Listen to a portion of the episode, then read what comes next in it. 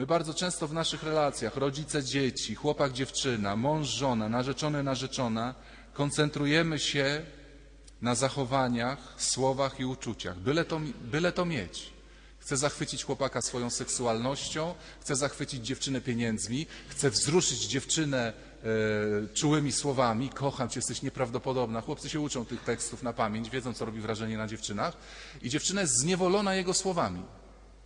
To jest wielki oręż, że tak powiem, w walce o kobietę mężczyzny słowa. Wy, drogie panie, jesteście bardzo wrażliwe na słowa.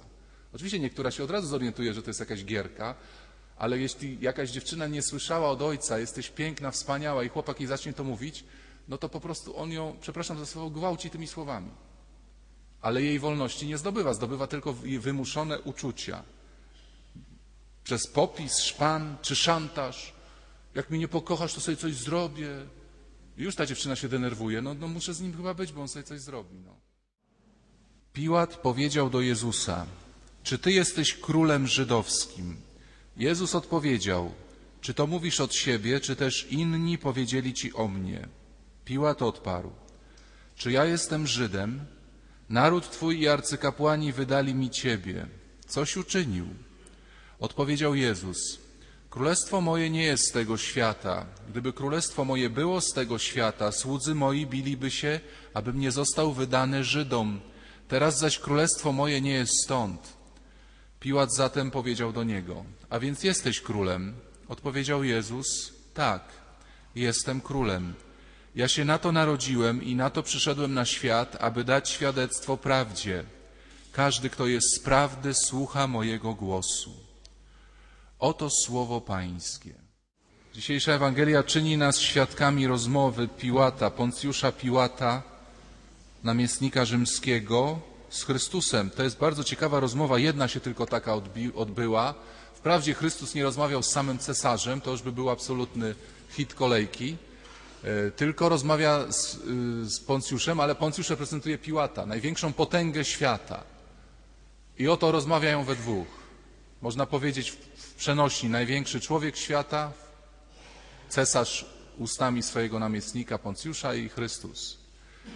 E, no oczywiście domyślać się można, nie znam tam realiów tych historycznych, że Piłat zasiadał na jakimś tronie, na pewno w jakiejś sali go przyjmował, na pewno miał po bokach jakichś tam żołnierzy, strażników i w ogóle pierścienie na rękach, a Chrystus był już zmaltretowany. Chrystus był już po torturach, także wygląda jak wrak człowieka. I patrząc po ludzku, nikt nie ma wątpliwości, kto tam jest górą, kto tam zwycięża, kto tam dominuje. To Piłat wystarczy, że powie ukrzyżować, zabić, zamordować, torturować dalej. Wszystko jest, może z Jezusem zrobić co chce. Ale, ale spójrzmy na tą sytuację z innej perspektywy. Może ktoś z Was, kochani, widział taki film, on pół roku temu gdzieś był na ekranach polskich kin, Miasto Ślepców. Byłem na tym filmie, zawiodłem się, myślałem, że to jakoś ciekawie będzie rozwiązane. Taka, takie, takie no, fik fikcjan, że scenariusz jest prosty. Roz, Rozchodzi się na świecie jakaś zaraza, że wszyscy ludzie tracą wzrok. I powtarzam, scenariusz jest dość, moim zdaniem, nudno rozegrany, ale jedna rzecz zwróciła na mnie uwagę, co jest dość oczywiste, że taka choroba, utrata wzroku przez ludzi prowadzi do totalnej katastrofy takiej cywilizacyjnej.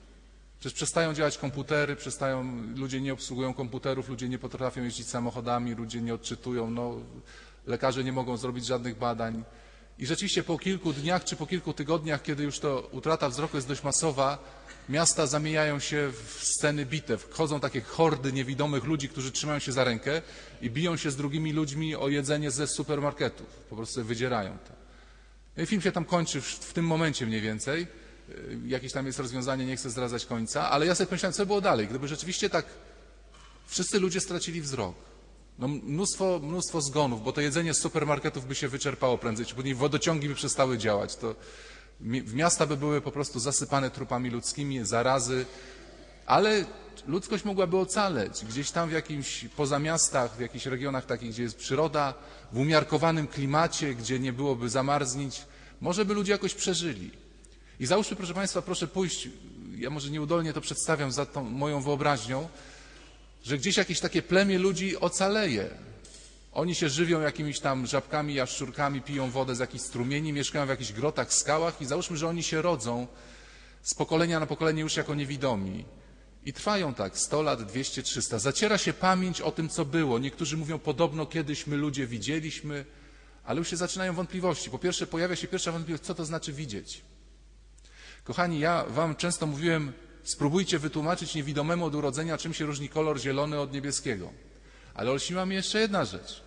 Wytłumaczcie człowiekowi niewidomemu od urodzenia, co to znaczy widzieć.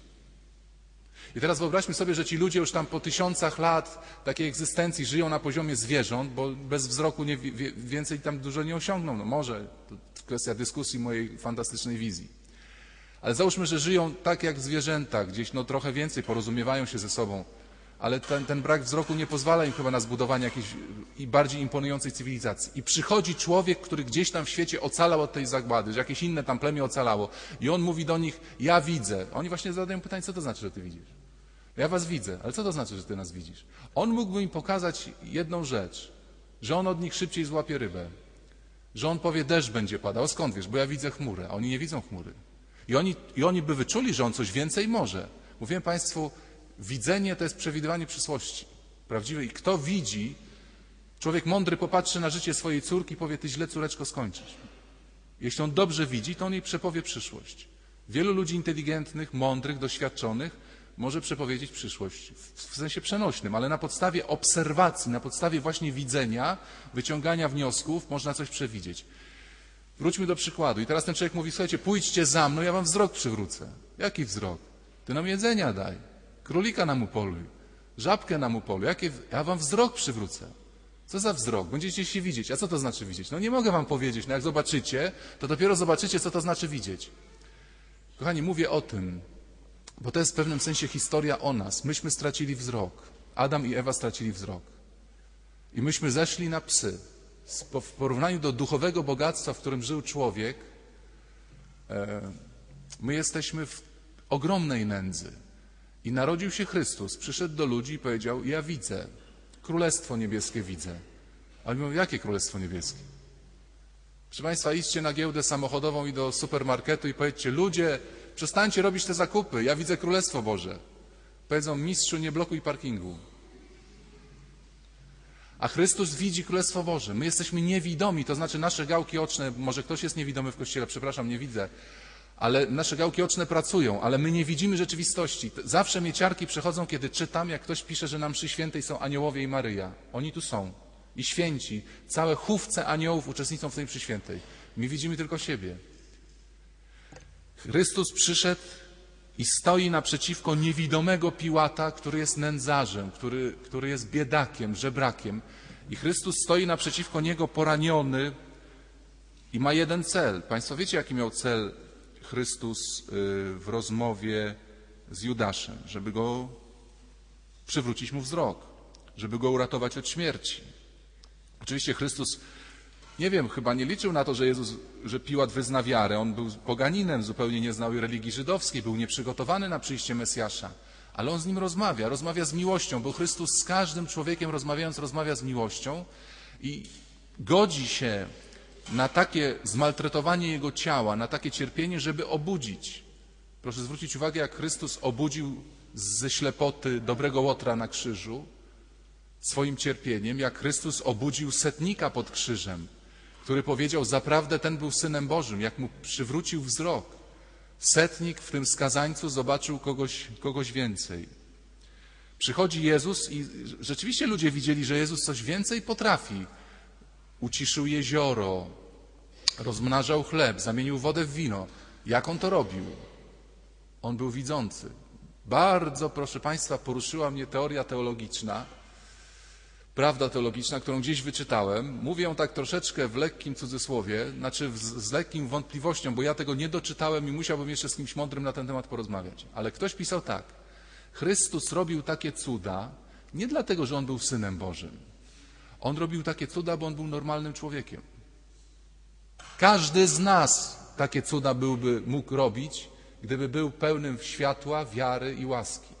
Zresztą Chrystus mówił, gdybyście wy mieli wiarę, powiedzielibyście tej morwie przenieść się, ona by się przeniosła. Chrystus nie używał swojej jakiejś boskiej mocy, tylko używał mocy, znaczy nadprzyrodzonej, wierzącego człowieka, pełnego Boga. Szokująca rzecz. Ale tak jak w tym przykładzie można sobie wymyśleć, gdyby taki widzący przyszedł i powiedział, że ma za górami klinikę okulistyczną i przywróci im wzrok, tylko musimy przejść przez te góry, ciekawe ilu by poszło. Jakiś wzrok? Co on mówi? Tu jest nasze dobre jedzonko, tu mamy dobre skały, tu mamy dobrą wodę, ciepełko. Zostajemy. I to jest sytuacja naszych rozmów często z dzisiejszych ludzi z Chrystusem. Co On chce? Jakie, jakie wyrzeczenie się, zaparcie się samego siebie? Jak będziecie czytać, kochani, Pismo Święte, to często sobie podstawcie pod słowo Królestwo Boże słowo widzieć, widzenie. Kiedy Jezus mówi, y, kto tam grzeszy, nie wejdzie do Królestwa Niebieskiego, nie wejdzie w widzenie, będzie niewidomy. Królestwo Boże jest w Was. Widzenie nie jest tu, widzenie jest w środku. To, żeśmy przed laty często ten temat patrzenia i widzenia sercem rozpatrywali. Królestwo Boże rośnie w Was. Ilu z Was by mogło powiedzieć, proszę księdza, jak miałem 40 lat, jak mi się oczy otworzyły. Ja dopiero zorientowałem się, kim ja jestem kim jest moja żona, kim są moje dzieci. Ja dopiero się wesz, wszedłem w życie Kościoła, ja się dopiero zorientowałem, co to jest msza święta. Chodziłem i nie widziałem. Widzicie? Królestwo Boże rośnie w was. Widzenie, przepraszam, rośnie w was. Stali naprzeciwko siebie, widzący, ten, który chciał przywrócić wzrok i elegancki, elegancki niewidomy. By poruszyć jego serce, Chrystus, y, Chrystus godzi się na to upokorzenie. Jest pobity, to co mówiłem, zmaltretowany, pokornie z Piłatem rozmawia. Nie chce go przestraszyć, ponieważ Chrystus, Bóg, Jemu zależy na jednym, na nas, czyli na naszej wolności. Nie zależy Mu na, na zachowaniach, na słowach, na uczuciach, żeby w nas wywołać uczucia, żeby nas zmusić do jakichś słów, czy zmusić do zachowań. Jezus chce Ciebie i mnie, czyli tego ja, tej mojej wolności, która jest w środku. Ile razy w relacjach międzyludzkich ktoś mówi: Ja wiem, że Ty mi gotujesz, żono. Ja wiem, że Ty mi służysz, że Ty mi się w nocy oddajesz. Ja wiem, ale ja nie mam Twojego ja. Ty mnie nie kochasz. Ty mi nigdy nie oddałeś czegoś takiego, co masz w sercu. Ty mi dajesz tylko uczucia nieraz, słowa, zachowania, a ja chcę tego w środku, wolności Twojej, żebyś w wolności mi siebie oddała. Do tego nikt nie może zmusić. Nikt cię nie zmusi, żebyś oddał wolność swoją. Może cię ktoś zmusić do słów.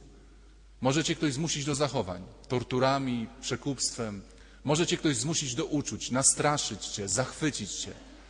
Ale wolności twojej nikt ci nie wydrze. I Chrystus, proszę zwrócić uwagę, stara się o to, żeby dotrzeć do piłatowego ja, o ile tak można powiedzieć, dotrzeć do niego. Mógł go postraszyć.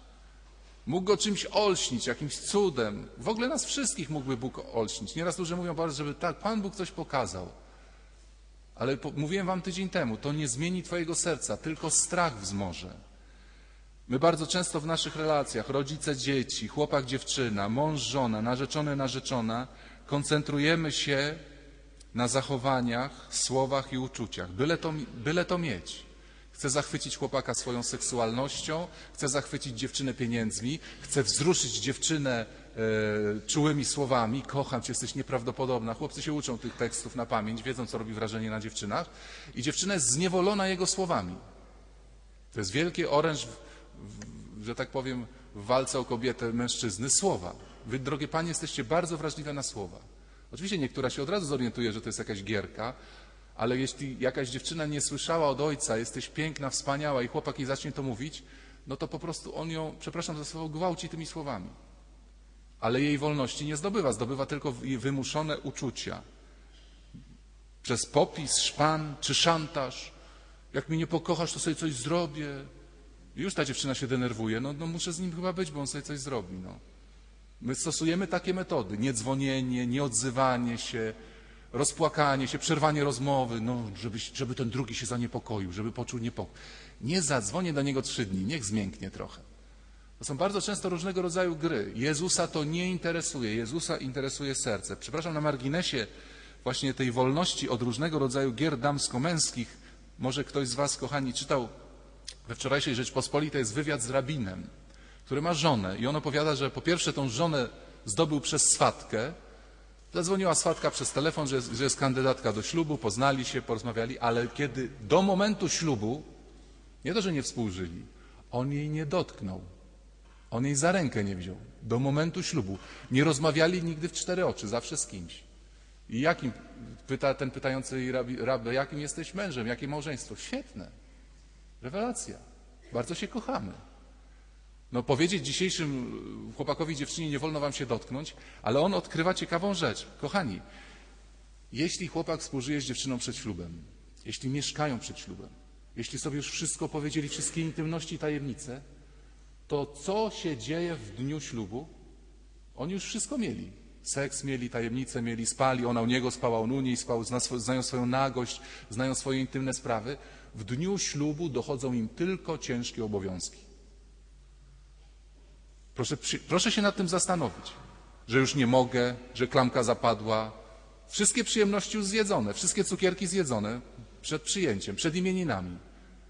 Zapraszacie gości na przyjęcie, wszyscy przychodzą, wszystko już zjedzone, będziemy zmywać. Mam dla Was dobrą wiadomość. Będziemy zmywać. I dlatego dla wielu ludzi ślub wcale nie jest przyjemnym momentem. Trzeba długi po ślubie pospłacać, suknię ślubną trzeba sprzedać, a, a wszystkie przyjemności już były. Ale to tak właśnie na marginesie a propos. Potem są takie, potem właśnie ten odwrócenie kolejności, kochani, odwrócenie tej kolejności w rozwoju relacji mężczyzny i kobiety, że zaczyna się wszystko już przed ślubem realizować, co przyjemne, sprawia potem często tą osłość. Jak w anegdocie, którą ktoś mi opowiedział przedwczoraj, jak mąż leży z żoną w łóżku i taki kładzie rękę na ramieniu, i tak na rączce, i tak na szyi, i tak na włosach. No ona taka rozanielona, że mąż taki czuły, a on nagle zabrał rękę. Ona mówi, dlaczego tak zabrałeś rękę? Bo znalazłem pilota.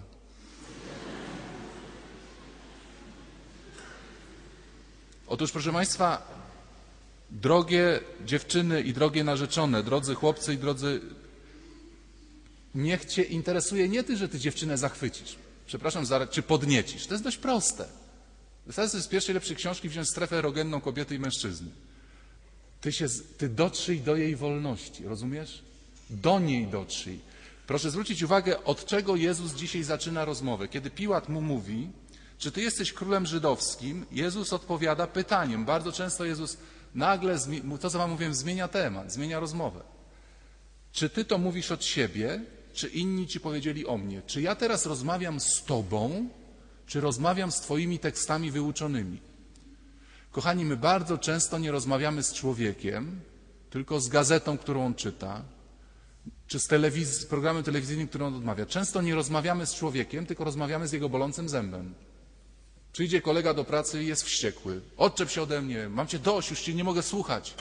A my mówimy, co on tak wrzeszczy? To nie on wrzeszczy, to jego ząb bolący wrzeszczy. Człowiek zawsze pyta, pyta, czy to jesteś ty? Bardzo często, drodzy panowie, nie rozmawiasz ze swoją żoną, tylko z koleżanką z pracy. One siedziały przy biurku 8 godzin, ona jej nakładła do głowy różnych rzeczy, wraca i ci puszcza płytę koleżanki. I ty mówisz, ta moja żona tak zmądrzała? To nie żona, to płyta. A, a ty jesteś kimś innym. Ja bym to samo pytanie zadał wam i sobie. Czy ty na tą mszę świętą przyszedłeś od siebie? Czy chwała na wysokości, które mówiłeś, to mówiłeś od siebie, czy mówiłeś, bo wszyscy mówili? Wiecie, jest taki y, egzamin, to znaczy taki weryfikator tego, czy my to wszystko mówimy od siebie. Może się to Państwu kiedyś zdarzyło, my księża to widzimy, jak się odprawia mszę świętą pogrzebową. Nie jest tak, że jesteśmy w tłumie, tylko rodzina siada za trumną, przychodzimy. Jak się ludziom myli, kiedy wstawać, kiedy siadać? Jak się jest nam przy ogólnej, to tłum pociągnie. Do dołu, do góry. Ja kiedyś odprawiałem mszę świętą dla e, dwóch sióstr zakonnych. We trójkę byliśmy tylko w mojej kaplicy zakonnej. No my, zawodowcy, jak ksiądz, zakonnice, jak żeśmy w trzecim zdaniu chwała wysokości się zakopali, to szybko musiałem brać ściągawki. Okazało się, że nie, nie znamy tego na pamięć. Zawsze się z ludźmi powie. Zawsze się... Proszę Państwa, gdybyście przyszli do kościoła świętej Anny, mam nadzieję, że nie wypowiadam proroctwa, i pusty kościół, 15, ja i ty, w środkowej ławce, wiedziałbyś, kiedy wstawać, kiedy siadać? Jak ja bym się zakrztusił na hymn chwała wysokości, pojechałbyś dalej osobiście? Wielu ludzi powiedziało, pójdę, gdzie jest parę ludzi, to ra razem raźniej. Ale my często nie mówimy tego od siebie. Jezus pyta, Piłat, czy ja rozmawiam z tobą, czy ja rozmawiam z jakimiś opiniami. Piłat szczerze przyznaje. Tu Piłat był szczery. Ty mnie nic nie obchodzisz. To twoi przełożeni, twoi, twoi wyznawcy, twój naród mnie wydał. Ja tutaj mam tylko osądzić, zasądzić, skazać cię, czy cię, czy cię nie skazać. Ale to jest właśnie, nawiasem mówiąc, pytajcie siebie często w rozmowie, kiedy się kłócisz, kiedy mówisz, no nie poznaję tej mojej żony, no nie poznaję tego mojego męża, nagle stał się kłótliwy, niedobry. Słuchaj, z kim ja rozmawiam? Czy z twoją depresją, czy smutkiem, czy komputer ci się zepsuł, czy w samochodzie coś stuka? Z kim ja rozmawiam? O to pyta, o to pyta Jezus. Czy ja rozmawiam tylko z formułką w konfesjonale, czy rozmawiam, czy rozmawiam z Tobą? Yy, nawiasem mówiąc, dzisiaj mamy czcić Chrystusa Króla, to chcę Go uczcić. Znowu Jezus ten fascynujący. Proszę Państwa, wydawać by się mogło, że Jezus zbity, zmaltretowany, stoi naprzeciwko Piłata, żołnierza, hierarchy wojskowego. Ale poczujcie smak tego dialogu. Tu Jezus cały czas prowadzi rozmowę. Czy ty jesteś królem żydowskim? A Jezus mówi, czy ty mówisz od siebie, czy to inni powiedzieli? Jestem królem. To jest nieprawdopodobne we w całej Ewangelii. Jestem tym zawsze zachwycony. Jezus nigdy nie stracił kontroli nad sytuacją. Nawet jak go torturowali, nawet jak podszedł żołnierz i go w twarz uderzył, to Jezus spokojnie. Dlaczego mnie bijesz? Jeśli źle zrobiłem, to powiedz. A jak nie zrobiłem źle, to dlaczego mnie bijesz? Jezus miał wszystko pod kontrolą. Ani razu, kochani, przeczytajcie Ewangelię. Przeczytajcie Ewangelię. Jezus zawsze odpowiadał krótko. Jezus zawsze odpowiadał celnie. Jezus zawsze odpowiadał mądrze, a jak pytanie było głupie nie na miejscu, to od razu przychodził do meritum sprawy. Ani razu nie ma w, nawet cienia takiej sytuacji w Ewangelii. Jezus, nie wiedząc co powiedzieć, jakbyśmy powiedzieli językiem młodzieżowym, się zapultał. No. I Jezus powiedział, a to ci kłopot. O rety, o rety. Zawsze wie, co zrobić. Od razu odpowiada, ale to jest król. Mimo, że pobity, mimo, że na krzyżu. Jeszcze na krzyżu rządzi. Ty będziesz w raju dzisiaj. Maryjo, weź syna, synu, weź matkę swoją. Jest nieprawdopodobna postać. I kochani, nasze królowanie, bo my mamy mieć współudział w królowaniu, to jest właśnie to, żebyś ty jako mąż, żebyś ty jako żona, żebym ja jako ksiądz, nigdy żebyśmy tego Bożego takiego tupetu nie tracili, żebyśmy zawsze wiedzieli, co powiedzieć. Kiedy nas przycisną w pracy, w biurze, was przycisną, kiedy mnie ktoś na ulicy w sutannie przyciśnie, żebyśmy nie mówili o rety i co ja teraz zrobię, tylko żebyśmy od razu odpowiadali, patrząc zawsze prosto w oczy. Patrząc zawsze prosto w oczy. Mówię o tym, jeszcze Państwu przypomnę, w ogłoszeniach zaprosili mnie studenci na Uniwersytet Warszawski z konferencją pod tytułem Czy Jezus był małym chłopcem? To jest bardzo ciekawy problem. Czy Jezus był małym chłopcem? On był posłuszny Ojcu. Tam jest pytanie, przepraszam, czy Jezus był grzecznym chłopcem? On był grzeczny, bo był zawsze posłuszny Ojcu. I Maryi był posłuszny, pisze Ewangelia, i Józefowi był posłuszny. Ale jak trzeba było iść na wojnę ducha, jak trzeba było iść na bitwę ducha, yy, może to kiedyś Państwu mówiłem, zapewne tak, bo czego ja już nie mówiłem. Jak pewien ksiądz w Ameryce prowadził lekcję o Jezusie Chrystusie, a miał takich chłopaków, co to czapki baseballowe, daszkiem do tyłu, guma do rzucia, nogi na stół, a on im tłumaczył o Jezusie. W końcu zrozumiał, że te katechizmowe treści w ogóle do nich nie trafiają. I mówi, panowie, panowie, gdyby Jezus dzisiaj żył, gdyby Jezus dzisiaj żył, byłby najlepszym obrońcą w amerykańskim futbolu. Nie puściłby żadnej piłki, gryzby glebę, rozumiecie? Nie puściłby żadnej piłki. I chłopakom szczęki przestały pracować nad ugniataniem gumy. Powiedzieli, fater, continue please. Ten Jezus to jest niezły facet. Jak on by nie puścił żadnej piłki. Piłki Jezus nigdy nie, nie puszczał, może tam grał z jakąś smaciankę z kolegami w dzieciństwie, ale duszy, jak mu sama dusza nie odpuści, jak nie ucieknie, żadnej nie przypuści do, do piekła. Żadnej. Chrystus jest obrońcą, który nie stoi na bramce. Chrystus jest obrońcą, który stoi przed bramami piekła i stara się żadnego z nas tam nie wpuścić. Ale jak się uprzemy, to, to wpuści, bo szanuje naszą wolność. Bo szanuje naszą wolność.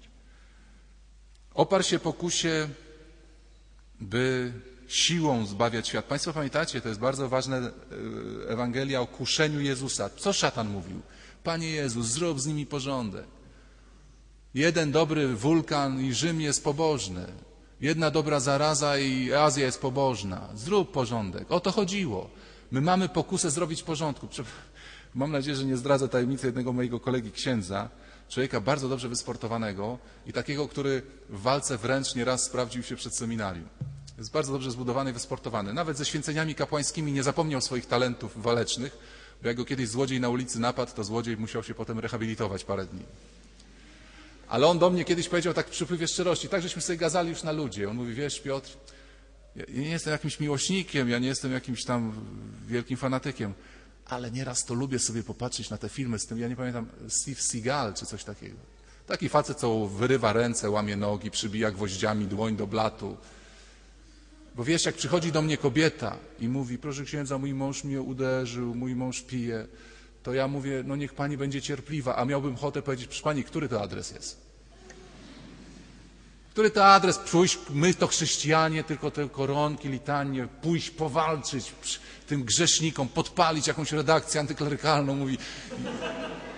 Potem mówi, przepraszam cię, ale nieraz po prostu no, ręce świeżbią. No. Państwo też macie ręce świeżbią, jak żeby komuś przygrzać, przywalić żona mężowi, żeby ten komputer wyrzuciła przez okno, może by ją przytulił, no może by znalazł tego pilota później trochę niż. Ale my nie, my właśnie módl się, słowo, to co Chrystus, twardość ducha, to jest potęga, kochani. Twardo, to, że się setnik pod krzyżem nawrócił, to Jezus musiał pokazać na krzyżu twardość. Dlatego nie, nie, nie, nie idźmy, broń Boże, w jakieś walki, właśnie w przykupywania kogoś, tylko walczmy mocą Jezusa Chrystusa i Jego ducha. Bo wszelkie, kochani, przymuszanie do wiary, do moralności, przymuszanie człowieka do człowieka zemści się. Y, we w ostatnim gościu niedzielnym jest artykuł na temat Hiszpanii. Ja tych spraw tu społecznych raczej nie poruszam, nie jestem jakimś specjalistą, ale fragment Państwu tego artykułu przeczytam o Hiszpanii, y, kraju no bardzo y, zlaicyzowanym w tej chwili. I autor pisze, obserwując współczesną Hiszpanię, trudno nie zadać pytania, co się takiego stało z tym państwem, które w latach 70. uchodziło za bastion katolicyzmu europejskiego tak, i tak szybko się zlaicyzowało. I tu niestety trzeba powiedzieć jasno, że odpowiedzialność za to spoczywa w znacznej mierze na frankistach. Jego twórcy i kontynuatorzy doprowadzili bowiem do sytuacji, w której katolicyzm był ideologią panującą w Hiszpanii, a nie stał się żywym doświadczeniem wiary. Urzędnicy państwowi jeszcze w latach 60. mieli obowiązek być co niedziela na mszy świętej. Szok. Urzędnicy państwowi mieli obowiązek w niedzielę iść na mszę świętą, a więźniowie w więzieniach musieli się spowiadać co miesiąc. I autor pisze, i choć trudno się dziwić, że po masowych mordach, jakich republikanie dokonywali na kapłanach, Kościół opowiedział się po stronie generała Franco, nie powinno także zaskakiwać, że gdy reżim frankistowski upadł, zmuszani do praktyk religijnych ludzie zaczęli je sobie odpuszczać. Proszę Państwa, jeśli dziecko, to znaczy w domu z dzieckiem można troszeczkę niekiedy przycisnąć dziecko, zmobilizować jakimś impulsem, ale jeśli dziecko się totalnie upiera, że nie chce chodzić do kościoła, nie ma co przyciskać. Trzeba dać świadectwo, tłumaczyć, czekać. Jezus nigdy nikogo niczym nie przycisnął, czy, czy mąż żonę, czy żona męża, czy musimy sobie tutaj zostawiać absolutną wolność. Absolutną wolność. Pamiętajcie, jeśli, to też powtarzałem, jeśli ktoś chce odejść, pozwól mu odejść. Jeśli cię kocha, wróci. Jeśli nie wróci, nigdy cię nie kochał. Pozwól odejść. Jezus pozwala i do dziś nam odchodzi. Jak ktoś grzeszy, pioruny nie walą. Jak ktoś grzeszy, od razu go choroba nie bierze. Wręcz przeciwnie, dobrze mu się powodzi. Diabeł się nieraz o, ten, o to stara. Dzisiejsza apokalipsa mówi, Jezus przychodzi. Nie wiem, czy zwróciliście uwagę na czas teraźniejszy. Jezus przychodzi, nie tylko przyjdzie, ale przychodzi. To nie mała zmiana.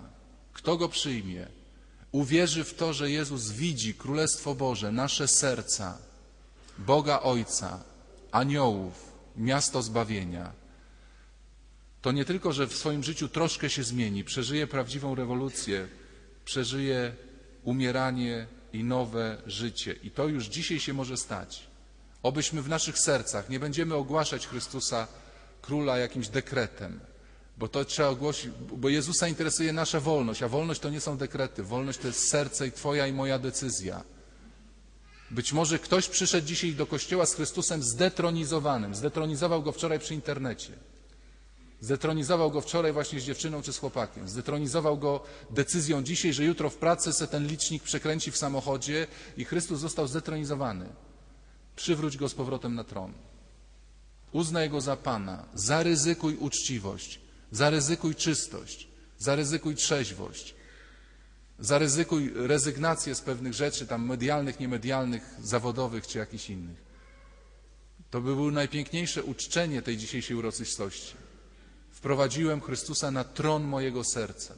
Jest na swoim miejscu i ja jestem na swoim miejscu. Powstańmy.